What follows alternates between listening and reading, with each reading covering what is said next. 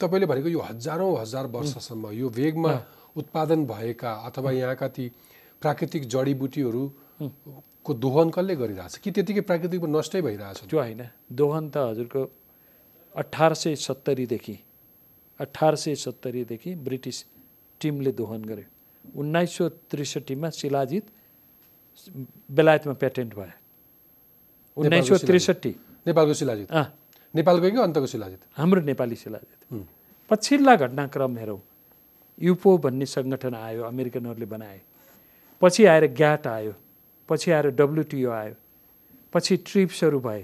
यी सबै के हुन् भने जैविक जुन प्रकृतिमा हुन्छ नि त्यसको दोहन गर्नका लागि ल्याइएका विधानहरू हुन्। तर यी विधानहरू के भए? Old intellectual property rights organisation आयो। यी सबै अन्तर्राष्ट्रिय विधानहरूका हामी दुई हजार दुईमा एसाइनी भयौँ। हामीले सही गऱ्यौँ दस्तखत गऱ्यौँ। तर हामीले राष्ट्रिय रूपमा हाम्रा विधानहरू बनाएनौँ। गुन्द्रुक पनि हाम्रो छैन। छैन। तपाईँको सोलोखुङ्गोको भाते जाँड उन्नाइस सौ छयानब्बेमा जापानले लगेर सिङ्गापुरमा बनाउँथ्यो। अहिले पनि बनाउँछ। संसारभरि त्यसलाई बायो इन्हान्सर भन्छ। नेपाल अहिले पनि आजको दिनमा पनि संसारभरिका मान्छे आएर बसेर आरामले उनीहरूका लेभलको अनुसन्धान गर्नलाई खुला छुट भएको देश हो यो। भारतमा कसैले गर्न सक्दैन। एउटा स्याउ लिएर स्याउ लिएर अस्ट्रेलियाबाट बाहिर कोही निस्कन सक्दैन। उनीहरूको छापबाट उनीहरूको त्यो लगेर भोलि अर्कोले रोप्छ कि भनेर। यहाँ हाम्रो चाहिँ कहाँ कुन भागमा कस्तो वनस्पति कस्तो रुख कस्तो पात तिनको सारा इन्फर्मेसन अरूसँग छ। हामीसँग छैन।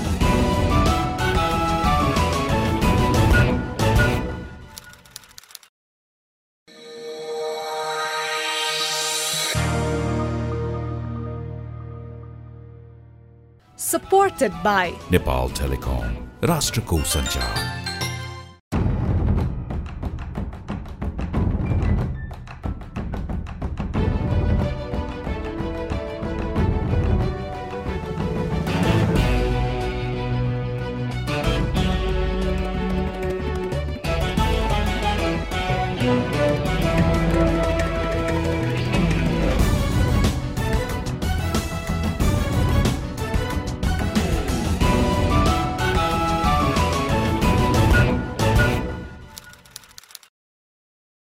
आदरणीय दर्शक तथा श्रोतावृन्द नमस्कार। कार्यक्रम टफ टकमा म दिलभूषण पाठक तपाईँ लगायत मेरा सबै सबै दर्शक तथा श्रोतालाई स्वागत गर्दछु। हिमालय टेलिभिजनमा हरेक बिहिबार साँझ नौ बजे प्रसारण हुने यो कार्यक्रम तपाईँ टफ टकको आफ्नो युट्युब च्यानलमा। टफ टक प्रस्तुतकर्ता इन्टरफेस नेपालको web page Interface Nepal dot com र हाम्रो पात्रो एपमा हेर्न तथा आइओएस चलाउने श्रोताहरूले आइट्युन्स र एन्ड्रोइड चलाउने श्रोताहरूले नेपाली पडकास्टमा पनि टफ टक सुन्न सक्नुहुनेछ। आधुनिकीकरणसँगै तपाईँ हाम्रो जीवनशैली पनि बदलिरहेको छ। सूचना तथा सञ्चारको पहुँच बसाइ सराई बजारीकरण भौतिक सुख सुविधामा वृद्धि तथा विश्वव्यापीकरण जस्ता अनेक कारणले हाम्रो परम्परागत जीवनशैलीमा व्यापक बदलाव आएको छ। गाउँले जीवन पद्धति समेतलाई अहिले सहर लागेको छ। कृषि कर्मबाट जीविकोपार्जन गर्नेहरू अन्य पेसा अँगालिरहेका छन्। पेसा बदलिएसँगै खानपान जीवन पद्धतिमा निकै उतार चढाव आएको छ। खानपानमा ध्यान नदिँदा अनेकौँ रोगको सामना गर्नुपर्ने अवस्था समेत सृजना भएको छ। तनाव र चिन्ताको मात्रा बढ्दो छ। हाम्रो जीवनशैली अहिले कसरी बिग्रिरहेको छ? खानपानको शैली कस्तो छ? कस्तो हुनुपर्थ्यो? आधुनिक जीवनशैलीमा कस्ता स्वास्थ्य समस्याहरू बढिरहेका छन्? खानपान र मानिसको बदलिँदो जीवनशैली सम्बन्धी छलफल गर्न आज मसँग हुनुहुन्छ आयुर्वेदका ज्ञाता वरिष्ठ चिकित्सक ऋषिराम कोइराला। समय क्रममा बदलिएको जीवनशैलीलाई अलिकति ख्याल गर्ने हो भने धेरै समस्याहरूबाट पार पाउन सक्छौँ। समस्या भइसकेको छ भने मौलिक चिकित्सा पद्धतिबाट पनि उपचारको विधि अपनाउन सक्छौँ। झन्डै चार हजार वर्षदेखि चलिरहेको पूर्वीय चिकित्सा शास्त्र आयुर्वेदबाट हामी कसरी लाभ लिन सक्छौँ? नेपाल र विश्वमा आयुर्वेदिक उपचार पद्धतिको अवस्था कस्तो छ? आयुर्वेदिक उपचारलाई राज्यले कुन हदसम्म प्राथमिकता दिएको छ? यिनै प्रश्नको जवाब खोज्न आज मसँग हुनुहुन्छ आयुर्वेदका ज्ञाता वरिष्ठ चिकित्सक ऋषिराम कोइराला। आउनुहोस् स्वागत गरौँ आजका मेरो अतिथि डक्टर ऋषिराम कोइरालालाई। डाक्टर साहब टफटकमा स्वागत छ। धन्यवाद। आराम हुनुहुन्छ। ठिक छ। चाडबाडको मौसम छ म आयुर्वेदको महत्त्वको बारेमा क्रमैसँग आउँछु। अलिकति जीवनशैलीबाटै प्रसङ्ग सुरु गरौँ। कस्तो पाउनुहुन्छ आजभोलि हाम्रो जीवनशैली? हाम्रो बिहान बिहान उठ्ने साइकलै फरक पर्न थाल्यो। वैज्ञानिकको हिसाबले अहिले कुरा गर्ने हो भने बाह्र बजेभन्दा पहिला सुत्नु र बाह्र बजेपछि सुत्नु एक घन्टा बराबर बाह्र बजेभन्दा पहिलाको र दुई घन्टा पछि भन्छ। बायोलोजिकल क्लक ए सो बाह्र बजीभन्दा अगाडि सुत्नु र एक घन्टाको निन्द्रा चाहिँ जति राम्रो हुन्छ बाह्र बजी पछाडिको दुई घन्टाको निन्द्राले पनि पुग्दैन भन्दै हुनुहुन्छ। अहिलेको यो सिर्काडियम रिदममा जसले नोबेल प्राइज लियो नि नोबेल प्राइज लिनेले त्यो एउटा परम्परागत जुन सभ्यताका कुराहरू थिए सिर्काडियम भनेको शरीरको एउटा क्लक हुन्छ। त्यो क्लकमै परिवर्तन भयो। त्यसले गर्दा के भयो भने सोचमा परिवर्तन आउन थाले। किन हुन् कस्तो अनौठा हुन्छ भने त्यो सोच पनि कस्तो विकसित हुन्छ भने यसले मान्छेमा त्यो विषयप्रतिको र विषयका मूल्यप्रतिको सम्बन्ध नै परिवर्तन हुन्छ तनावमा परिवर्तन आयो। सानो तनाव पनि अहिले ठुलो भइदिन्छ। सानो कन्फ्लिक्ट हुन्छ नि विरोधाभास पनि ठुलो भइदिन्छ। त्यसो हामी सहरका मान्छे त सबै बाह्र बजी दुई बजी सुत्छौँ त्यसले एउटा के भने बायोलोजिकल क्लक चाहिँ बिगारिदिन्छ। अब त्यो मात्रै नभएर हामी बिहान सबेरै उठेर के खान्छौँ? बिहान सबेरै उठेर न्यूनतम रूपमा हामीले केही न केही प्रकारको योग आसनहरू प्राणायाम अहिलेको ग्लोबल कन्टेक्स्टमा हेऱ्यो भने। जस्तै अनौठा लाग्छ अस्ति हामी दुई वर्ष पहिला पोल्यान्डमा भेट हुँदाखेरि त्यहाँ हार्वर्डको एउटा प्रोफेसरले हामीलाई देखाएको अमेरिकामा change of the mentality of American people towards yoga भनेर। बिस पर्सेन्ट स्कुलका बच्चाहरू अहिले योग गर्छन् बिस पर्सेन्ट। अनि त्यसपछि त्यो ग्लोबली यति सिफ्ट छ अहिले हेऱ्यो भने थर्टी टू पर्सेन्ट जति American children are practising yoga now. अब त्यो के भयो? हामी कहाँ चाहिँ त्यो हरायो। त्यसै गरेर हाम्रो भान्सामा अब त्यसपछि भान्सामा गएर हामीले बिहान अब कयौँ हामीले व्यस्त मान्छेहरू ऊ मान्छेहरूलाई कफीदेखि लिएर हामी हेरौँ। कफी चियादेखि लिएर सबै चिज हेऱ्यो। र हाम्रो के भयो भने खाने रिदम पनि हामी बे बिहान सबेरै उठ्यो ब्रेकफास्टहरू खान्छौँ। हामी सकेसम्म तयारी ब्रेकफास्टहरू खान्छौँ चाँडै बन्ने ब्रेकफास्ट खान्छौँ र हामी कतिसम्म गर्छौँ? अँ, हजुरलाई जङ्कहरू मिसाउँछौँ। कतिसम्म भने म दिल्ल पर्छु अहिले अहिले जापानमा माइक्रो ओभन ब्यान्ड भयो। माइक्रो ओभन ब्यान्ड भयो जापानमा। जापानमा माइक्रो ओभन चलाउन पाइँदैन। पाइँदैन। अब हामी कहाँ? हामी डेभलप भने भनेर भन्छौँ त्यही माइक्रो ओभनहरू चलाउँछ जसले मलिकुलर अल्टर गर्छ।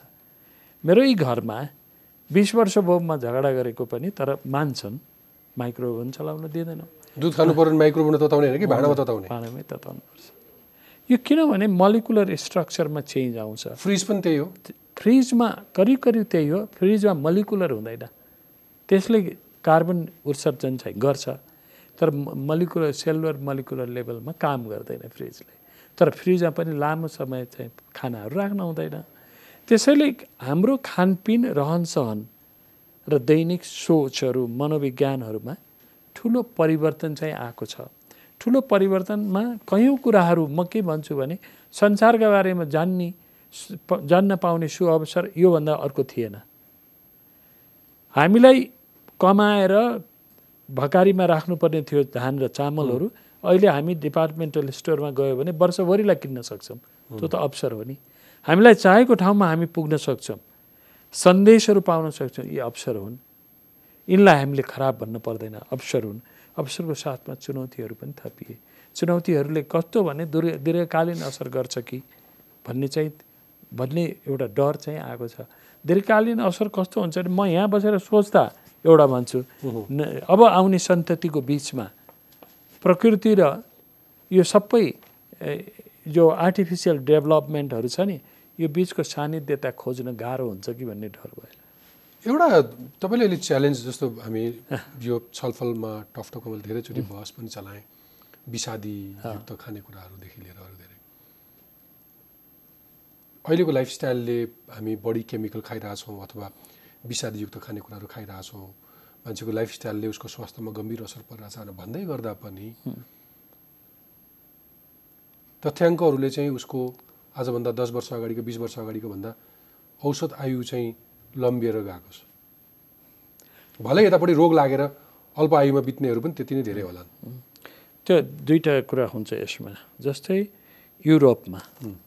युरोपको सरसर्ती हामीले हेऱ्यौँ भने युरोपमा र जापानमा अस्ट्रेलियामा हामीले सरसर्ती हेऱ्यौँ भने त्यो केमिकल्ली इन्ड्युस्ड चिजहरू जसमा सुरु सुरुमा chemical as a chemical agent हो रिएजेन्ट हो त्यसपछि गएर हाइब्रिडहरूको आयो त्यसपछि जेनेटिक मोडिफाइडहरूको एकदमै आयो। तर कारण के भनिन्छ भने कयौँ कुराहरू चाहिँ पानी शुद्ध भयो भने पचास पर्सेन्ट डिजिज गयो।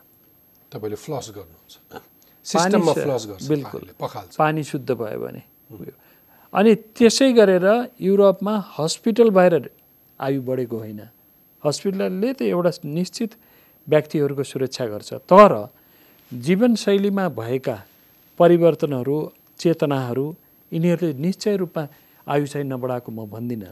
तैपनि म यसलाई नकार्दिनँ मैले अहिले भने इन्फर्मेसनलाई नकारे होइन तर एउटा मासलाई हेऱ्यो भने एउटा समुदाय ठुलो समुदायलाई हेऱ्यो भने अहिलेको चुनौती भनेको यो शरीरमा हामीले उपयोग गर्ने सारा वस्तुहरूको चुनौती चाहिँ यति यति एलार्मिङ छ। ओके। त्यो चाहिँ हो। ओके। अब यो खानपान जीवनशैलीपछि अब तपाईँको अझ विज्ञतामा हजुर। सरौँ।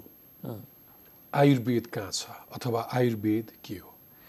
अब अहिले के छ भने आयुर्वेद यो हाम्रो सभ्यताको चाहिँ आदि कालदेखि नै मैले अस्ति नै एउटा अन्तर्राष्ट्रिय सम्मेलनमा वेद र साइन्स भन्नेमा दिएको थिएँ।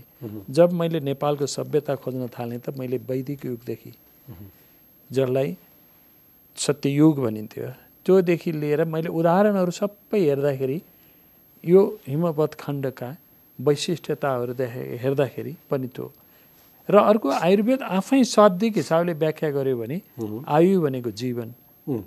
वेद भनेको विज्ञान जीवन विज्ञान। ओके। अनि जीवन भनेको के हो? अनौठा यो छ जीवन भनेको चारवटा चिजको संयोग हो। शरीर इन्द्रिय मन र आत्मा। बिल्कुल। अनि फेरि यो जीवन भनेको के छ भने जीवनको गुण भन्छ। जिनको गुण भनेको नित्य गह निरन्तर चलिरहेको छ एकचोटि जापानमा लेक्चर दिँदै गर्दा अन्तिम दिनमा एउटा ठुलो समारोहमा प्रश्न सोधियो तेरो विज्ञान र हाम्रो यो पश्चिमेली चिकित्सा विज्ञानमा के फरक छ भन्दा एउटै फरक हो। हामी के भन्छौँ ट्रान्सफर्म हुन्छ जीवन परिवर्तनगामी छ। तिम्रोमा मर्छ। तिम्रोमा मर्छ। यति फरक हो। त्यसैले अन्त्य हुन्छ हाम्रोमा अनन्त छ। अनन्त छ। त्यो नै आयुर्वेद। त्यसैले आयुर्वेदका विधाहरू कहीँ पनि सीमित होइन कि। त्यही विधा त्यही विधालाई अब के भयो भने कसरी त्यो विधालाई चाहिँ उन्नयनमा राख्ने। कसरी त्यो शरीर चाहिँ उन्नयन हुन्छ शरीर इन शरीर इन्द्रिय मन र आत्माको लेभलमा कसरी विकास गर्ने? त्यसैले आत्मिक स्तरमा गरिने प्रविधिहरू विधिहरू मनको स्थितिमा गरिने विधिहरू इन्द्रियहरूको स्थितिमा र खानपानहरूको र जीवन र प्रकृतिसितको यो बारेमा गरिने विज्ञान जुन हुन्छ नि त्यो चाहिँ आयुर्वेद हो। ओके। अब त्यो आयुर्वेदले मान्छेको अथवा मानव स्वास्थ्य अथवा रोगहरू बारे चाहिँ त्यो आयुर्वेदको धारणा अथवा आयुर्वेदको अप्रोच के हुन्छ। अब के हुन्छ भने शरीर नित्य चलिराख्छ। चलिराख्दाखेरि उसको सम्बन्ध भित्र र बाहिर निरन्तर रहिराख्छ। त्यो भित्र र बाहिर निरन्तर रहि- रहिराख्दाखेरि त्यो जुन निरन्तर कार्यकारी हुन्छ नि त्यो कार्यकारीमा के हुन्छ भने चार पाँचवटा गुणहरू हुन्छ। निरन्तर गरिराख्दाखेरि जति प्रकारको दूषित पदार्थहरू उत्पन्न हुन्छ त्यो शरीरबाट निस्किनु पर्यो। त्यो निस्किन सकेन। कुनै पनि प्रकारको सन्तुलन त्यो निरन्तर चलिराख्ने सन्तुलनमा एकदमै गर्मी भइदियो। एकदमै जाडो भइदियो। एकदमै अत्यधिक भोजनको सेवन भयो अथवा अपच अपक्क भोजन भयो अथवा एकदमै सङ्क्रमण जन्ने ठाउँहरूमा पर्यो त्यतिखेर पनि सन्तुलन बिग्रियो। सन्तुलन बिग्रियो। सकेसम्म त एडजस्ट गर्न बडीले खोज्छ। खोज्छ। तर उसलाई एक्सटर्नल केही चाहिन्छ। चाहिन्छ। अनि त्यसपछि के हो भने अत्यधिक मनोवैज्ञानिक चिन्ताहरू भए। चिन्ताहरू र अर्को सबभन्दा ठुलोको अहिले एकजना अमेरिकन प्रोफेसरले किताब निकालेको छ। त्यसमा म लगायत मेरा तिनजना मित्रहरूको बारेमा लेखेको छ। त्यो हो इन्द्रियको सान्निध्यता। जस्तै एक्सेसिभ भिजुअल अब्जेक्टहरू हेऱ्यो। अत्यधिक अत्यधिक मोबाइल फोनहरूको युज अत्याधिक इयरपोर्ट अत्याधिक हेडसेट। यो सबैले के गर्छ भने अन्तिममा गएर त्यो सन्तुलनलाई चाहिँ असन्तुलनमा ल्याउँछ। तर शरीरमा एउटा विद्वता के छ भने ख्याल गर है भन्ने विद्वता छ। त्यसले एड गर्दैन जस्तो म्युजिक सुनिरहेछ भने त उसले उसले त झन् सपोर्ट गर्छ होइन। त्यो कारण के हुन्छ? सर्टेन लेभलमा सपोर्ट भयो। एक्सेसिभको कुरा ओके अत्याधिकको ओके अनि त्यसले के भने? न्युरोजेनिक डिजिजहरू ल्याउँछ। ओके म आयुर्वेदमै बस्छु किन तपाईँ त्यसको ज्ञाता हुनुहुन्छ। अब मलाई भनिदिनुहोस् आयुर्वेद चाहिँ एउटा उपचार पद्धति अथवा जीवनशैली के के हो? आयुर्वेद एउटा जीवन पद्धति हो। यसमा एउटा चाहिँ उपचारको प्रविधिहरू विधिहरू छन्। तर त्यसको अलावा के छ भने प्रकृति र व्यक्तिको सम्बन्धका बारेमा के हो? प्रकृति र वातावरणको सम्बन्धका बारे जस्तै हामी पिपलको बोट रोपेर पूजा गर्थ्यौँ वरको पूजा गर्छौँ तुलसीको पूजा गर्छौँ यी अहिले यिनका औषधीय गुणहरूको बारेमा हामीले भन्नु पर्दैन। धेरै मान्छेलाई थाहा हुन थालिसक्यो वातावरणमा पाथीको कुरा हामीले भन्नु पर्दैन। यो चाहिँ के हो भने सान्निध्यता प्रकृतिको सान्निध्यता सम्बन्ध के हो? त्यो बारेमा। हामीले यदि कुनै चाडबाड अहिले यसो गएर काष्ठमण्डपमा हुने चाडबाड हेरौँ हरेक ठाउँमा बिउ बिजनहरूको प्रयोग कुन बेला गर्ने कसरी गर्ने यो सबै छ। त्यो परम्परा छ। त्यो यस्तो एथेन्ट समृद्धशाली परम्परा छ भोजनमा पथ्यमा। होइन बिरामी भएको बेलामा के खाने? अनि औषधि केमा पकाएर दिने औषधि मासुमा पकाएर दिने औषधि दुधमा जस्तै लसुन दुधमा पकाएर दिने। यी हाम्रा परम्परा हुन्। म ओमकार गौचनजीसित इन्टरभ्यू हुँदाखेरि उहाँले भन्नुहुन्थ्यो सिप्लिकानको साग चैतमा चैतको महिनामा खाँदा मुस्ताङका सबै मान्छेलाई ज्वरो आउँथेन। भक्तपुरको एउटा सानो त्यो सय वर्ष पुरानो दही पाइन्थ्यो भक्तपुरमा पहिला पहिला। त्यो एक चम्चा बच्चालाई खान दिइसकेपछि यस्तो खालको इम्युनिटी आउँथ्यो कि एक दिन ज्वरो आउँथ्यो देन उसलाई ज्वरो हुन्थेन। यी सबै के हुनु भने जीवनको सम जीवन धान्नका लागि गरिने एउटा तरिकाहरू भए रोकथामका लागि गरिने अर्का तरिकाहरू भए स्वस्थ जीवनमा प्राप्त गर्नका लागि किनभने आत्मिक उन्नतिका लागि गरिने प्रयासहरू भए र उपचारका प्रविधिहरू भए तपाईँले खानेको कुरा गरिहाल्नुभयो। खानेकुरा चाहिँ त्यही चिज कुन समय कुनै समयमा यो शरीरमा पस्यो भने अमृत भयो त्यही चिज तपाईँको शरीरमा गलत समयमा लिनुभयो भने त्यो विष भयो। त्यो भयो। त्यसलाई के हुन्छ भने एउटा सानो उदाहरण दही। पहिलो दहीको स्रोत के हो? त्यस्तोतिर नजाउँ। एकदमै राम्रो दही पर्यो हामी कहाँ बा आकाशमा बादली छ पानी पर्दो छ चिसो छ। मौसम चिसो छ। दही खायो अनि- समाउँछ। तर किन समाउँछ? त्यहाँनिर बोल थाहा पाउनुपर्ने हुन्छ। त्यही दही हामीले खाली पेट खायौँ। त्यसले के गर्छ? आमाशयका सबै भिल्लीहरूलाई चाहिँ सङ्कुचित गर्छ। त्यही दही पाचनमा जाँदाखेरि त्यसले के गर्छ भने लाइपोप्रोटिन टक्सिसिटी बनाउँछ विषादी बनाउँछ जो चाहिँ अटो इम्युन डिजिज भन्ने छ हामी कहाँ बाथहरूका विभिन्न प्रकारहरू। तर त्यही दही खाएर दौड्यौँ भने बिगार्दैन फेरि। त्यही दही खाएर व्यायामहरू पनि बिगार्दैन। त्यही दही थोरै मात्रामा खायो भने बिगार्दैन। त्यही दही हामीले मरिच हालेर अनि दालचिनी हालेर खायौँ भने बिगार्दैन। त्यही दही अहिले अमेरिकामा बेसार हालेर खान दिन्छ तयारी दही आउँछ त्यसले बिगार्दैन। त्यो के हुन्छ भने बायो एसिमिलेसन भन्छ त्यसले चाहिँ पाचन शक्तिलाई नै परिवर्तन गर्छ तिनीहरूले। अब यति गरेपछि मेरो दर्शकलाई लागिरह होला कति बेला खाने कसरी खाने दहीको कुरा दही चाहिँ सामान्यतया दही खाने चाहिँ बिहान। बिहान। बिहान बिहान र दिउँसो। खाँदा भयो। भयो। राति खानु भएन राति राति खाँदाखेरि भोलिपल्ट बिहान त्यसको असर नदेखे पनि त्यसले खराब गरिरहेको हुन्छ। कालान्तरमा खराब। चिसो मौसममा पनि नखाने। गर्मीको बेलामा खाँदा भयो ओके। ओके अब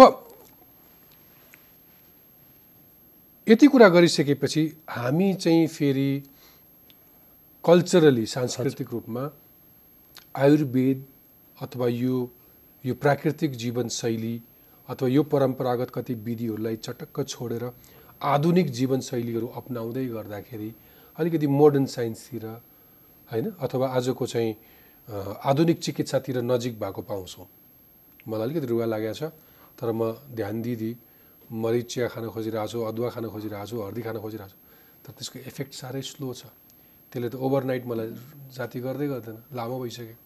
तर मोडर्न मेडिसिन मैले एउटा सेटामल खाएँ अथवा एउटा ब्रु- आइब्रुफन खाएँ भने त मलाई इमिडिएट रिलिज भएको अलिकति अलिक स्वस्थ भएको फिल हुनसक्छ।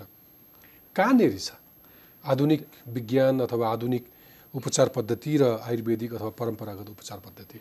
अब यिनीहरूलाई स्पष्ट हेर्दाखेरि जीवनशैलीमा हेऱ्यो भने प्यारासिटामोल खाएर ज्वरो गयो भने त्यसलाई नकार्नु पर्दैन। सिटामोल खाएर ज्वरो गयो भने नकार्नु पर्दैन। तर रुगामा हुने पर्ने फिनोमिनल हुन्छ नि प्रक्रियागत। क्रियागतमा चाहिँ सिटामोलले नि काम गर्दैन। उसले पनि काम गर्दैन। त्यो भनेको शरीरलाई एउटा अवस्थामा पुगेपछि शरीर आफूले जुन देखाउन सक्छ। अथवा जुन क्यारेक्टर देखाउँछ त्यो परिस्थिति कुनै एउटा परिस्थितिसँग जुझ्नलाई शरीरले देखाएको स्वभाव हो। स्वभाव। त्यसका लागि सितामल खानु जरुरी थिएन भन्नु आवश्यक पऱ्यो भने खाने म त्यसलाई पनि नकार्न स मान्दिनँ। तर के छ भने सकेसम्म शरीरमा चाहिँ प्राकृतिक विधिहरू प्राकृतिक विधिहरू। प्राकृतिक विधि भनेको दिलभूषणजी ताजुब हुन्छ कि तपाईँको शरीरमा अहिले हेऱ्यो भने मर्फिन छ गाँजा छ। त्यो किन हामीले पायौँ भने हाम्रा पुस्तौँ पुस्तासित आएको हो त्यो। हुँ। इन्डोर्फिन हुन्छ। इन्डोर्फिनले के गर्छ?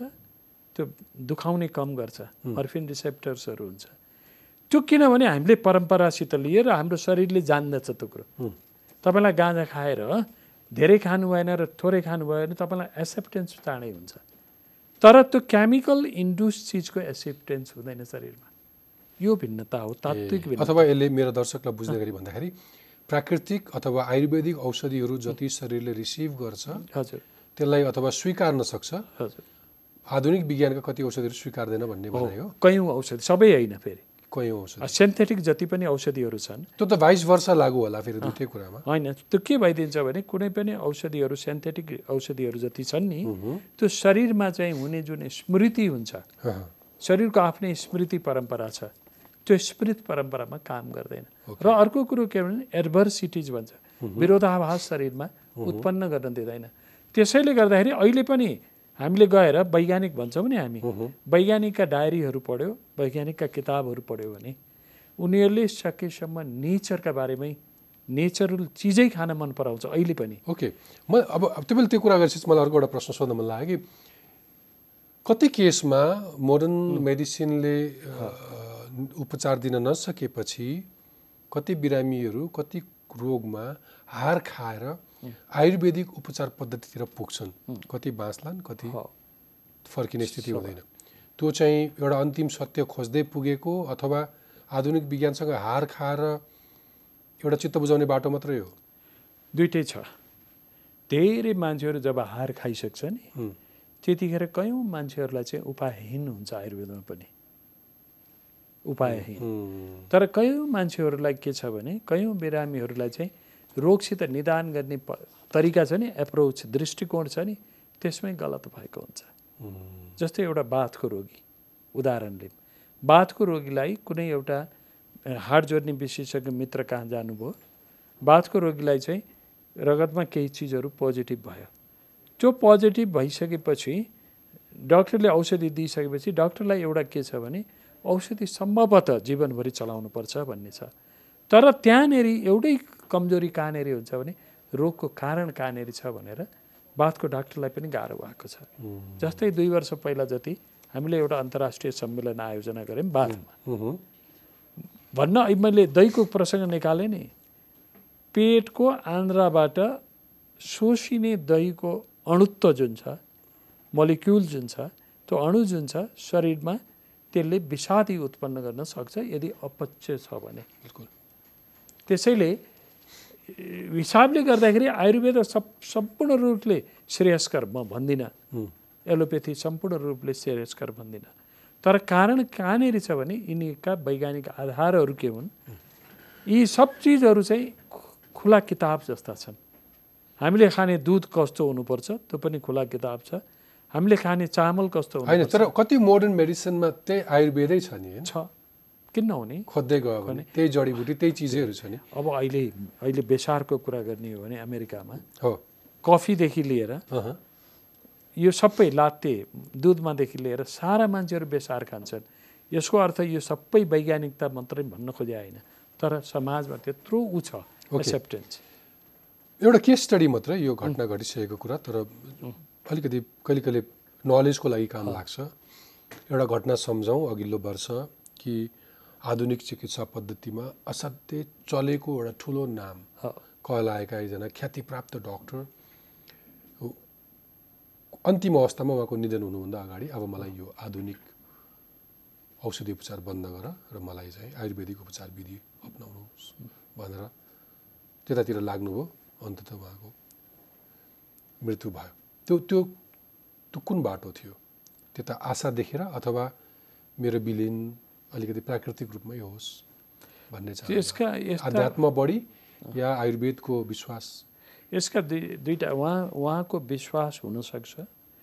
अहिले आजभन्दा तिन हप्ता पहिला एकदमै ठुलो मेडिसिनको डक्टर जर्मनीको डक्टरले एउटा स्टेटमेन्ट लेख्यो। र त्यो स्टेटमेन्टमा के भन्छ भने दुईवटा चिजहरू तिमीहरूले ख्याल गरेर मेरो पैँतालिस वर्षको चिकित्सक जीवनबाट भनेर उसले आफ्नो डायरीमा लेख्छ त्यो डायरी पब्लिस भएको छ। कुनै पनि कुनै पनि अवस्थामा तिमीले आफ्नो प्राकृतिक स्वभावलाई चाहिँ कुनै किसिमले पनि यसलाई अवरोध नगर्देऊ। त्यसैले प्राकृतिक रूपले हुन सक्ने खानपान जीवनशैली र सोच र त्यो सोचभित्र तिमी यथेष्ट प्रेम भाव राख यति भएपछि तिमीलाई औषधि चाहिँदैन। र औषधि चाहियो भने प्रकृति खोज भन्छ। तर कुनै इमर्जेन्सी दुर्घटना पऱ्यो भने म जस्ता डाक्टर कहाँ आउन नछोड भनेर उसले लामो डायरी लेखेको छ। ओके। अर्को एउटा प्रसङ्ग डायरी अनौठाको छ। अल इन्डिया मेडिकल इन्स्टिट्युटको डक्टरले आफ्नो एउटा चार पाँचवटा कन्ट्रिब्युटर अथर भएको लेखेको एउटामा छोटोमा भन्दाखेरि के भने एउटा बिरामी आउँछ छातीको बिरामी छ औषधि लेखिदिन्छ। माझी ये दवा दिन में तीन बार ले लो तीन महीने बाद आओ भन्छ। उसले जान्छ घरमा गएर त्यो कागजलाई काट्छ। नब्बे नब्बेवटा नब्बेलाई तिनले गुणन गरेर दुई सय सत्तरीवटा पिस बनाउँछ र तिन महिनासम्म त खान्छ। त्यही कागज। तिन महिनापछि आउँदाखेरि उसले चेस्ट एक्सरेहरू गर्न भन्छ। माझी ऊ पहिलेका कागज दे दो त ऊ भन्छ मसित त्यो त चाहिने खाने भनिस् खाइदिएँ। पछि चेस्ट चेस्ट एक्सरे भन्दा केही पनि थिएन। थिएन। यी अपवादहरू नहुने होइन तर भन्न खोजे के भने हुनै नसक्ने कुरा चाहिँ जीवनमा छैन कि। ओके। एउटा कुरा तपाईँहरूलाई अर्को एउटा दोष लाग्ने आधुनिक उपचार पद्धति अथवा मोडर्न मेडिसिन प्रयोग गर्नेहरूले चाहिँ यस्तो कुनै घटनाहरू छ कि आयुर्वेदिक उपचार गर्छु भनेर गर्दा गर्दा त्यो रोग बिग्रिसकेपछि अनि यतापट्टि आएको केसहरू छ? छ। त्यस्तो हुन्छ। त्यस्तो किन हुन्छ भने रोगको? रोग रोगको निदान राम्रोसित गरिएन। रोगको कारणको बारेमा राम्रोसित गरिएन। रोग चिनिएन। चिनिएन। र अर्को के भने अहिलेको जगतमा कुनै एक्सरे गर्यो भने कुनै ल्याबोरेटरी गर्यो भने त्यो कुनै चिकित्सकको देन मात्र होइन। त्यहाँ वैज्ञानिकता छ। छातीको एक्सरे गरेर हेऱ्यो भने एमआरआई गरेर हेऱ्यो भने वैज्ञानिकता छ। त यी चिजहरू जो आधुनिक जगतमा उपलब्ध चिजहरू छन् नि यो कुनै सिस्टमका मात्रै होइन। यदि सिस्टमको हिसाबले हेऱ्यो भने यसको अर्थ यो होइन सबै चिकित्सक भइसकेकाले न्यूनतम रूपमा म एउटा कुरा दोहोऱ्याउन चाहन्छु न्यूनतम रूपमा उपलब्ध साधनहरूको बारेमा ज्ञान राख्नुपर्छ। र त्यो बे बिरामी जो आउँछ त्यसको कुनै पनि हिसाबमा त्यो बिरामीलाई चाहिँ कम्प्रोमाइज गरिनुहुन्न। उसले पाउन सक्ने अधिकारहरूको बारेमा। यो घटना के हुन्छ भने आयुर्वेदका डक्टरहरूबाट पनि भएको हुन्छ। त्यस्तै गरेर एलोपेथीको डक्टरहरूमा पनि छ। त्यसो भए आउँ त्यतैपट्टि जाउँ। मलाई अब त्यतापट्टि जान मन लाग्यो। त्यसो भए जति सहज रूपमा एउटा रोगीले अथवा एउटा मानिसले मोडर्न मेडिसिन अथवा मोडर्न उपचारका लागि एउटा केन्द्रसँग उसको एक्सेस छ। हस्पिटल्सहरू छन् क्लिनिक्सहरू छन्। औषधि पसलहरू छन्। हजुर त्यो तुलनामा आयुर्वेदिक अस्पतालहरू आयुर्वेदिक औषधि पाउने केन्द्रहरू कति छन् र तिनको स्तरीयता कस्तो छ? म सरसर्ती हेऱ्यो भने मैले हेऱ्यो भने एलोपेथी औषधिहरू पाउने केन्द्रहरू चिकित्सा अस्पतालहरू यो सबैको पर्याप्तता सहरहरूमा छ। राम्रो छ पर्याप्तता छ। गाउँ गाउँमै पुगिसक्यो। अब त्यसपछि अर्को पक्ष हेऱ्यो भने आयुर्वेदको अवस्था त्यसमा चाहिँ त्यसमा जति हुनुपर्ने थियो त्यो छैन। छैन। उपलब्धता केन्द्रहरू छैन। छैनन्। छैनन्। जति छन् त्यसलाई दुई खण्डमा हेर्नुपर्छ।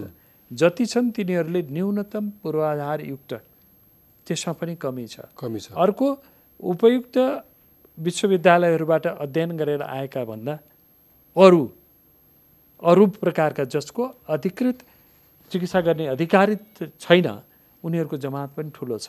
अनि धामी झाँक्रीले जसले पनि जता मन लाग्यो त्यसले आयुर्वेदिक औषधि बाँडिरहेको हुन्छ। त्यो मात्रै बाटोमा बोरा ओछ्याएर बेचिरहेको हुन्छ। त्यो मात्रै होइन। एउटा कुनै कुनै मान्छेले क्वाक क्वाकरिजम भन्छ अङ्ग्रेजी नक्कली डाक्टर। नक्कली। नक्कलीले के गर्न सक्छ भने त्यसैले पनि एलोपेथीको औषधि बाँडे पनि हुन्छ आयुर्वेद आयुर्वेदका नाममा।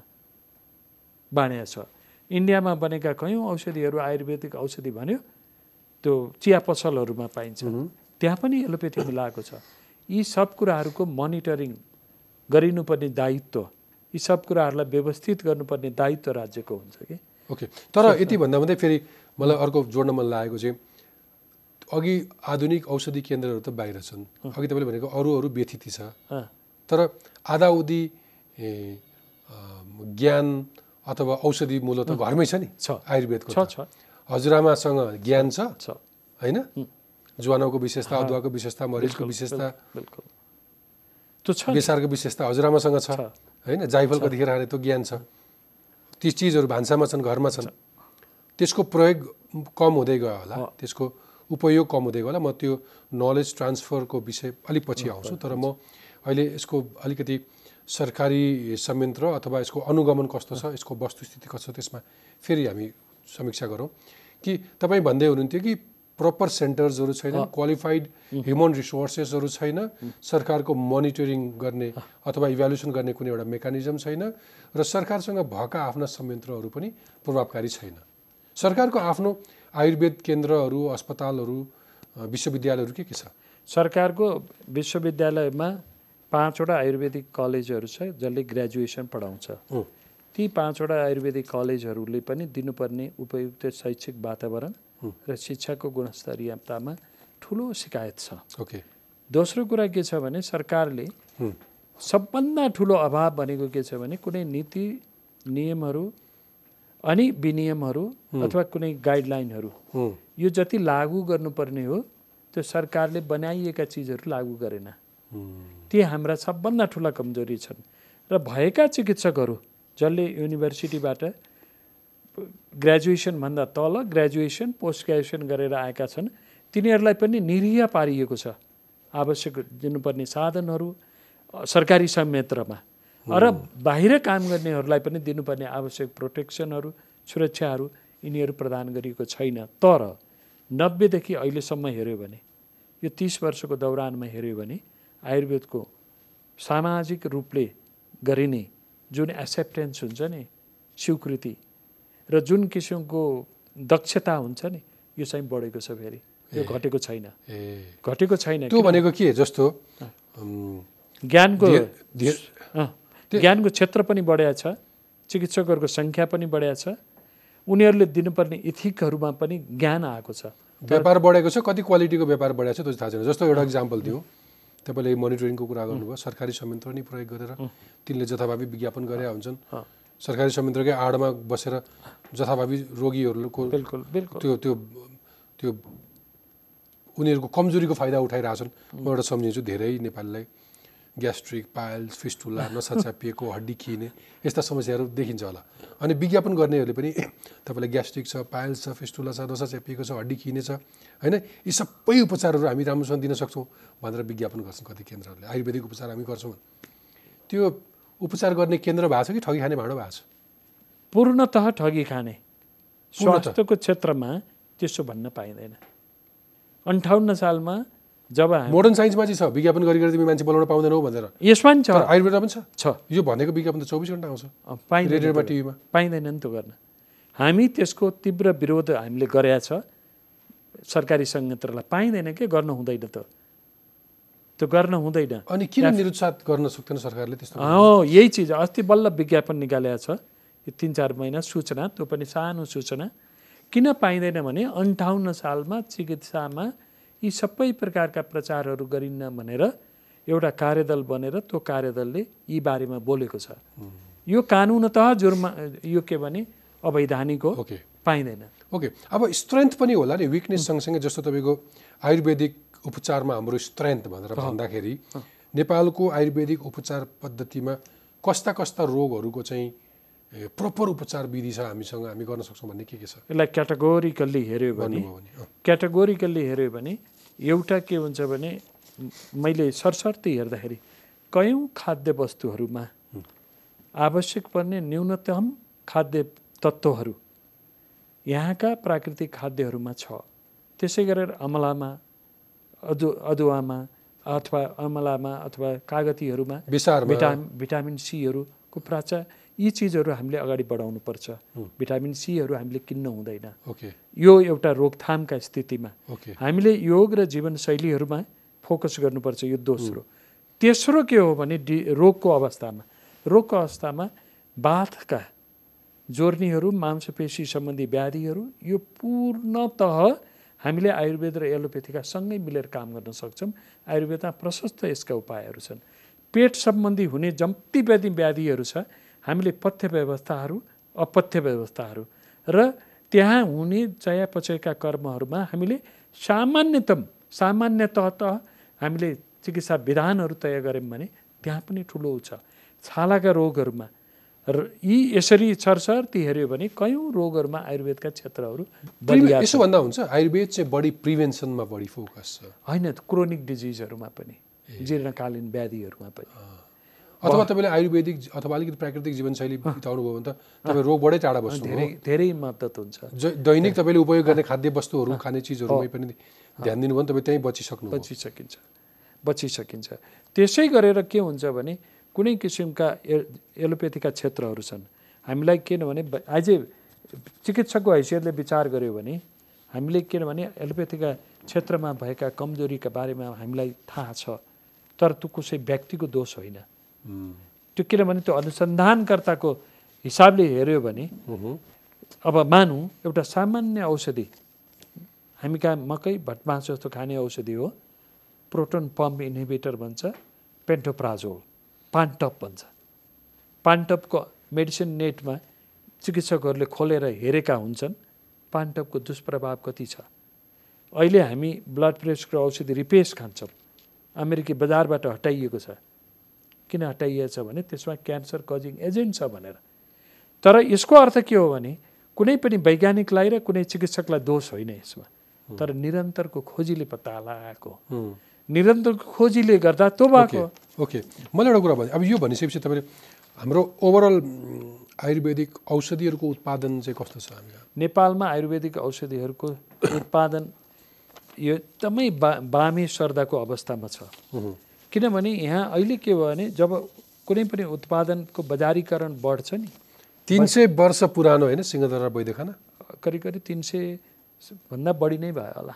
त्यो एउटा वैद्यखानालाई त हामीले राम्रोसँग चलाउन सकेका छैनौँ भने। सक- सकेकै छ। हाम्रा अनि सबै औषधि पसलमा आयुर्वेदिक औषध पसलमा जानुभयो भने सबै आयुर्वेदिक औषधि इन्डियन ब्रान्डका हुन्छन्। बिल्कुलै भारतीय हामीले नेपालमा के औषधि अहिले फेरि के भएको छ? भने भारतीय ब्रान्डका पनि धेरै बन्द भएको छ नेपाल आउनलाई।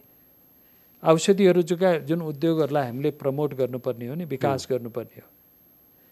अरू त अरू। एउटा सानो इक्जाम्पल दिन्छु दिलभूषणजी। संसारमा सबभन्दा ठुलो महँगो औषधि भनेको एच जडीबुटी भनेको एचकुम्बा। हामीले के प्रविधि विकास गऱ्यौँ त? त्यसको सबैभन्दा एभ सबैभन्दा बढी एभाइलेबल हुने चाहिँ नेपालमा। प्राकृतिक रूपले। प्राकृतिक रूपमा। र त्यो त्यो एउटा यार्सा गुम्बा सँगसँगै नेपाल यो हिमालय प्रदेश आफै एउटा यो रेन्ज यस्तो उसमा होइन। पर्छ कि सबैभन्दा बढी मूल्यवान आयुर्वेदिक आजदेखि हो र? उत्पादन सदियौँ हजारौँ वर्षदेखि। सत्ययुगदेखि नै। त्रेता युगमा त हामीलाई हनुमानले लगेको हो नि त। अहिले पनि श्रीलङ्कामा गयो त्यो अनुसार हामीले यसलाई प्रिजर्भ गर्न सकेका छैनौँ। त्यो राष्ट्रिय सम्पत्ति हो भनेर बुझ्दै बुझेनौँ। आयुर्वेद नेपालको राष्ट्र सम्पत्ति भनेर त्यो। मेरो न ऋषिराम कोइरालाको हो न कुनै आयुर्वेद चिकित्सकको जिम्मेवारी मात्रै होइन। यो राष्ट्रको सम्पत्ति हो। राष्ट्रको सम्पत्ति हो भनेर दसवटा यस्ता जडीबुटीहरू हामीले संसारको बजारमा ल्यायौँ भने दसवटा उत्पादनहरू ल्यायौँ एउटा मात्रै गएको सत्तरी वर्षमा हामीले सत्तरी वर्ष नभने पनि चा पचास वर्षमा नेपालमा कुनै पनि औषधिको खोजी भएको छ भनेर कुनै चिकित्सकले भन्नुहोस् त मलाई। हामी कहाँ पचासभन्दा बढी अध्ययन संस्थाहरू छन् अनुसन्धान संस्थाहरू छन्। हामीले के गरेका छौँ? हामीले शून्य गरेका छौँ ठुलो शून्य। त्यहाँभन्दा बढी गरेका छैनौँ। भनेको यति ठुलो भण्डार भइकन पनि न खोज न अनुसन्धान न सुरक्षा तिनको विकास न? सुरक्षा। तिन सय वर्ष अगाडि चाहिँ त्यो भिजन चाहिँ देखेको रहेछ होइन सिंहदरबार वैद्य खाना। हो नि त। त्यो बेलामा। त्यो बेला। त्यसले क्याटर पनि गर्यो। गर्यो। आज पनि मुलुकको सबैभन्दा राम्रो शिलाजित बनाउँछ त्यसले। तर त्यसको जुन किसिमले हामीले प्रमोट गर्नु पर्थ्यो नि त्यो त हजार गुणा बढी हुनु पर्थ्यो नि त्यो त छैन। अनि यो- तपाईँले भनेको यो हजारौँ हजार वर्षसम्म यो वेगमा उत्पादन भएका अथवा यहाँका ती प्राकृतिक जडीबुटीहरूको दोहन कसले गरिरहेछ? कि त्यतिकै प्राकृतिक नष्टै भइरहेछ? त्यो होइन। दोहन त हजुरको अठार सय सत्तरीदेखि अठार सय सत्तरीदेखि ब्रिटिस टिमले दोहन गर्यो उन्नाइस सय त्रिसठीमा शिलाजित बेलायतमा पेटेन्ट भयो उन्नाइस सय त्रिसठी। नेपालको शिलाजित। नेपालकै कि अन्तको शिलाजित? हाम्रो नेपाली शिलाजित। किनभने सोभियत रुसमा मिमिया भनेर ककेसियन माउन्टेनहरू पनि पाइन्थ्यो। त्यो गर्यो उनीहरूले किताबै निकालेको छ सात भोल्युममा किताब छ। त्यो बेलामा अठार सय सत्तरी उन्नाइस सौ इस्वीसम्म लागिसकेपछि उन्नाइस सौ पछि कसले गरेन र? पछिल्ला घटनाक्रम हेरौँ। युपो भन्ने सङ्गठन आयो अमेरिकनहरूले बनाए। पछि आएर ग्याट आयो पछि आएर डब्लुटिओ आयो पछि ट्रिप्सहरू भए। यी सबै के हुन् भने जैविक जुन प्रकृतिमा हुन्छ नि त्यसको दोहन गर्नका लागि ल्याइएका विधानहरू हुन्। तर यी विधानहरू के भए? Old intellectual property rights organisation आयो यी सबै अन्तर्राष्ट्रिय विधानहरूका हामी दुई हजार दुईमा एसाइनी भयौँ। हामीले सही गऱ्यौँ दस्तखत गऱ्यौँ। तर हामीले राष्ट्रिय रूपमा हाम्रा विधानहरू बनाएनौँ। डकुमेन्ट गरेन। बनाएनौँ।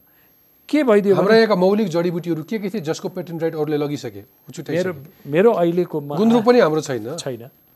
तपाईँको सोलोखुङ्गोको भाते जाँड उन्नाइस सय छयानब्बेमा जापानले लगेर सिङ्गापुरमा बनाउँथ्यो। अहिले पनि बनाउँछ संसारभरि त्यसलाई बायो इन्हान्सर भन्छ। भन्न मैले के खोजेको भने मैले दोष लगाउनु भन्न पनि हामीले कानुनी इन्स्ट्रुमेन्टहरू तयार गर्नुपर्ने थियो। नेपाल अहिले पनि आजको दिनमा पनि संसारभरिका मान्छे आएर बसेर आरामले उनीहरूका लेभलको अनुसन्धान गर्नलाई खुला छुट भएको देश हो यो। भारतमा कसैले गर्न सक्दैन। एउटा स्याउ लिएर स्याउ लिएर अस्ट्रेलियाबाट बाहिर कोही निस्कन सक्दैन। उनीहरूको छापबाट उनीहरूको त्यो लगेर भोलि अर्कोले रोप्छ कि भनेर। यहाँ हाम्रो चाहिँ कहाँ कुन भागमा कस्तो वनस्पति कस्तो रुख कस्तो पात तिनको सारा इन्फर्मेसन अरूसँग छ। छ। हामीसँग छैन। हाम्रो त राष्ट्रिय अब वनस्पति विभाग भयो। हामी कहाँ राष्ट्रिय कोअर्डिनेसन राष्ट्रिय सम्पत्तिको सुरक्षाका लागि कुनै राष्ट्रिय संयन्त्र नै छैन। अहिले पनि हामी मन्त्रालय कसले के राख्ने त्यो छ। बेलायतमा पनि के हुन्छ राष्ट्रिय संयन्त्रका लागि प्लानिङ कमिसन र प्रधानमन्त्रीको अन्तर्गत एउटा समिति ठुलो काउन्सिल बन्छ। कहाँ छैन? मलेसियादेखि लिएर चाइनादेखि हजारौँ वैज्ञानिकहरू एउटै छात्रामा छातामुनि काम गर्छन्। न एउटा यो संस्थाको अर्को संस्थाको होइन। वैज्ञानिक भनेको विज्ञानको एउटा दृष्टिकोण भएको व्यक्तिहरूको समूह हुन्छ। त्यसको विधि हुन्छ त्यसको प्रविधि हुन्छ टेक्नोलोजी। त्यो हामी कहाँ छैन। अहिले हामीले के उत्सव मनायौँ भने हामीले हामीले नागोया प्रोटो प्रोटोकल भनेर पार्लियामेन्टसम्म लगेर रेक्टिफाई त गऱ्यौँ हामीले। बडा उत्सवसित गऱ्यौँ। तर दुई हजार दुईमा बनाएको बायोडाइभर्सिटी एक्ट विधेयक अहिलेसम्म आउन सकेन।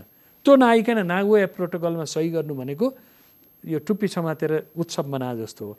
जिउ छैन। तपाईँ महिनै पछि अथवा अत्याधिक धेरै विदेशमा हुने सभा सम्मेलनहरूमा गइरहनुहुन्छ आयु- आयुर्वेदका बारेमा।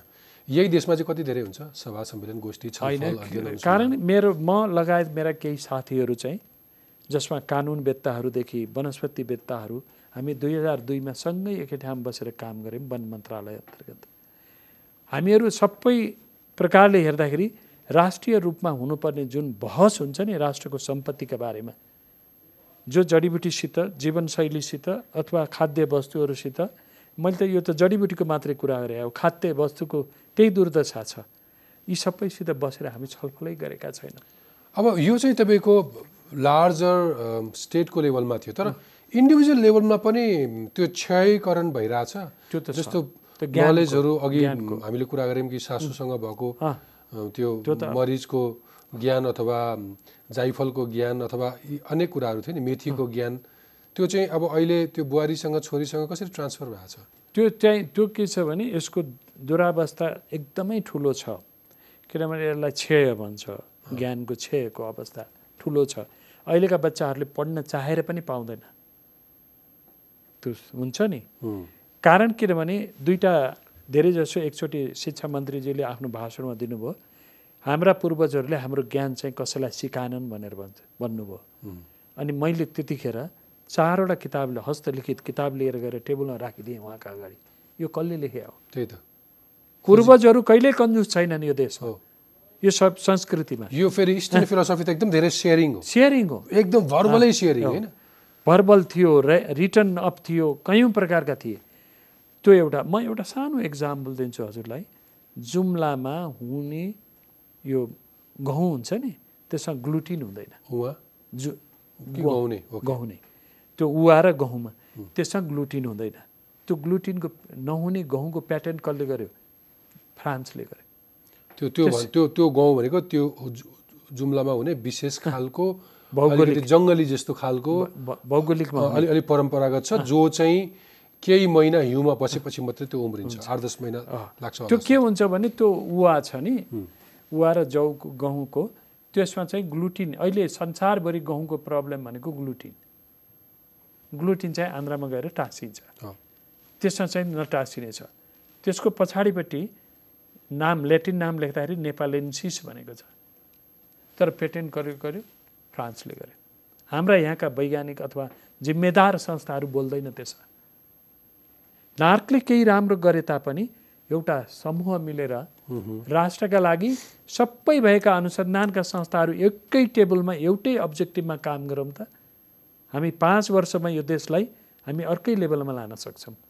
वैज्ञानिकहरू नीति अनुसन्धानकर्ताहरू यी सबै कहिले पनि एउटा टेबलमा राखिएन। जेलाई पनि राजनीतिक रङ दियो ज्ञान भनेको कुरो यति ठुलो र महत्त्वपूर्ण हुन्छ जसले सदियौँदेखि आफ्नो उपस्थिति देखाएको हुन्छ। त्यसलाई चाहिँ हामी खोज गरेनौँ। अहिले नासाका के कारण? यो यो कारण ज्ञानको अनुभव अथवा मोडर्नाइजेसनको अथवा मोडर्न साइन्सको त्यो दिलभूषणजी अहिले पनि नासाका वैज्ञानिकहरूले तिन महिना संस्कृत पढ्नुपर्छ। तिन महिना संस्कृत अनिवार्य रूपले नबुझेर हो। नबुझेर मात्रै होइन कसैको एउटा संयन्त्रको रूपमा काम गरेर हो। राष्ट्रले आफ्नो पहिचान बुझ्नुपर्छ के? मेरो दक्षता मेरो देशको अस्तित्व केमा छ भनेर बुझ्नुपर्छ कि? अथवा मेरो भूगोल अथवा मेरो भू बनौट मेरो प्रकृतिको स्ट्रेन्थ के छ भन्ने नै सेन्स भएन। त्यो बुझ्नुपर्छ। यदि त्यो रसुवामा बग्ने त्यो पत्थरिलो चट्टानमा बग्ने पानीको महत्त्व हामीले बुझ्नुपर्छ। ढुङ्गाबाट निस्किने त्यो बाफ जसलाई हामी शिलाजित भन्छौँ अहिले अहिले हिजो महत्त्व बुझ्नु। हिजो मात्रै म एकजना वैज्ञानिकसित भेटेँ जसले के भने त्यो पानीको बाफमा बिरुवाहरू उमार्नुहुन्छ। उहाँले के भन्नुभयो भने तपाईँले यसको मिनरल्स कसरी बनाउनुहुन्छ? भन्दाखेरि म ढुङ्गाबाट बनाउँछु भन्नुभयो। त्यो ढुङ्गा हाम्रो रसुवाको ढुङ्गा हुन्छ। त्यो हाम्रो जमसुङको ढुङ्गा होला कहीँको ढुङ्गा होला तर त्यो खोज कसले गर्ने? यहाँको खोज के छ भने हजुर म थोरै बोलेर हो। यहाँको खोज केलाई केलाई भन्छ भने हामीले सडकमा टाले जस्तो खोज हो। एउटा बजेट यहाँको खोजको बजेट एक वर्षको हुन्छ। अनुसन्धानका बजेट चालिस चालिस वर्षसम्म एउटै व्यस्तमा हुन्छ। यहाँको खोज सबै मिलेर हुँदैन। चाहे त्यो नास्ट होस् अथवा युनिभर्सिटीका हुन्। एकचोटि के भएको थियो भने हामीले मैले ढाई वर्ष पहिला एउटा मिटिङ बोलाएको थिएँ। चालिसवटा संस्थाका विद्वत व्यक्तित्वहरू हुनुहुन्थ्यो र मैले सोधेँ हामीले अन्तिम हाम्रो गन्तव्य कहाँ गएर टुङ्गियो भने जिरोबाट सुरु भएर जिरोमा टुङ्गियो?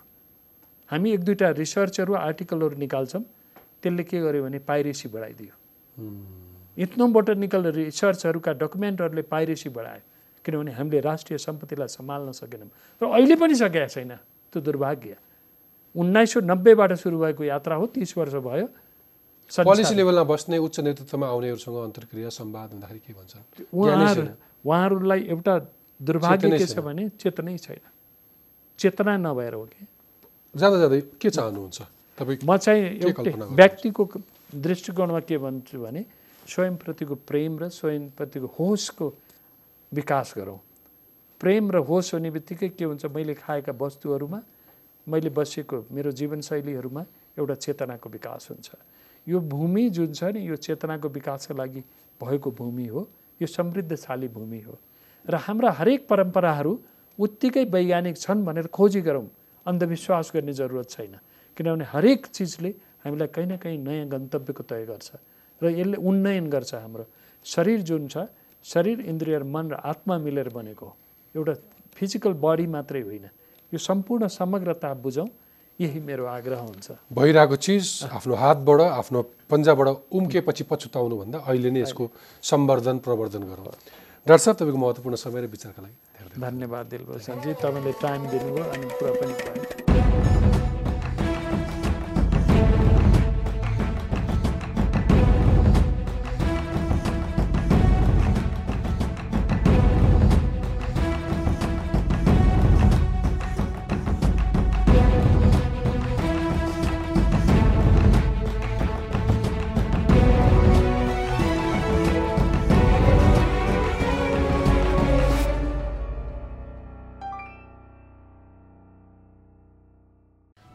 supported by Nepal Telecom, राष्ट्रको संचार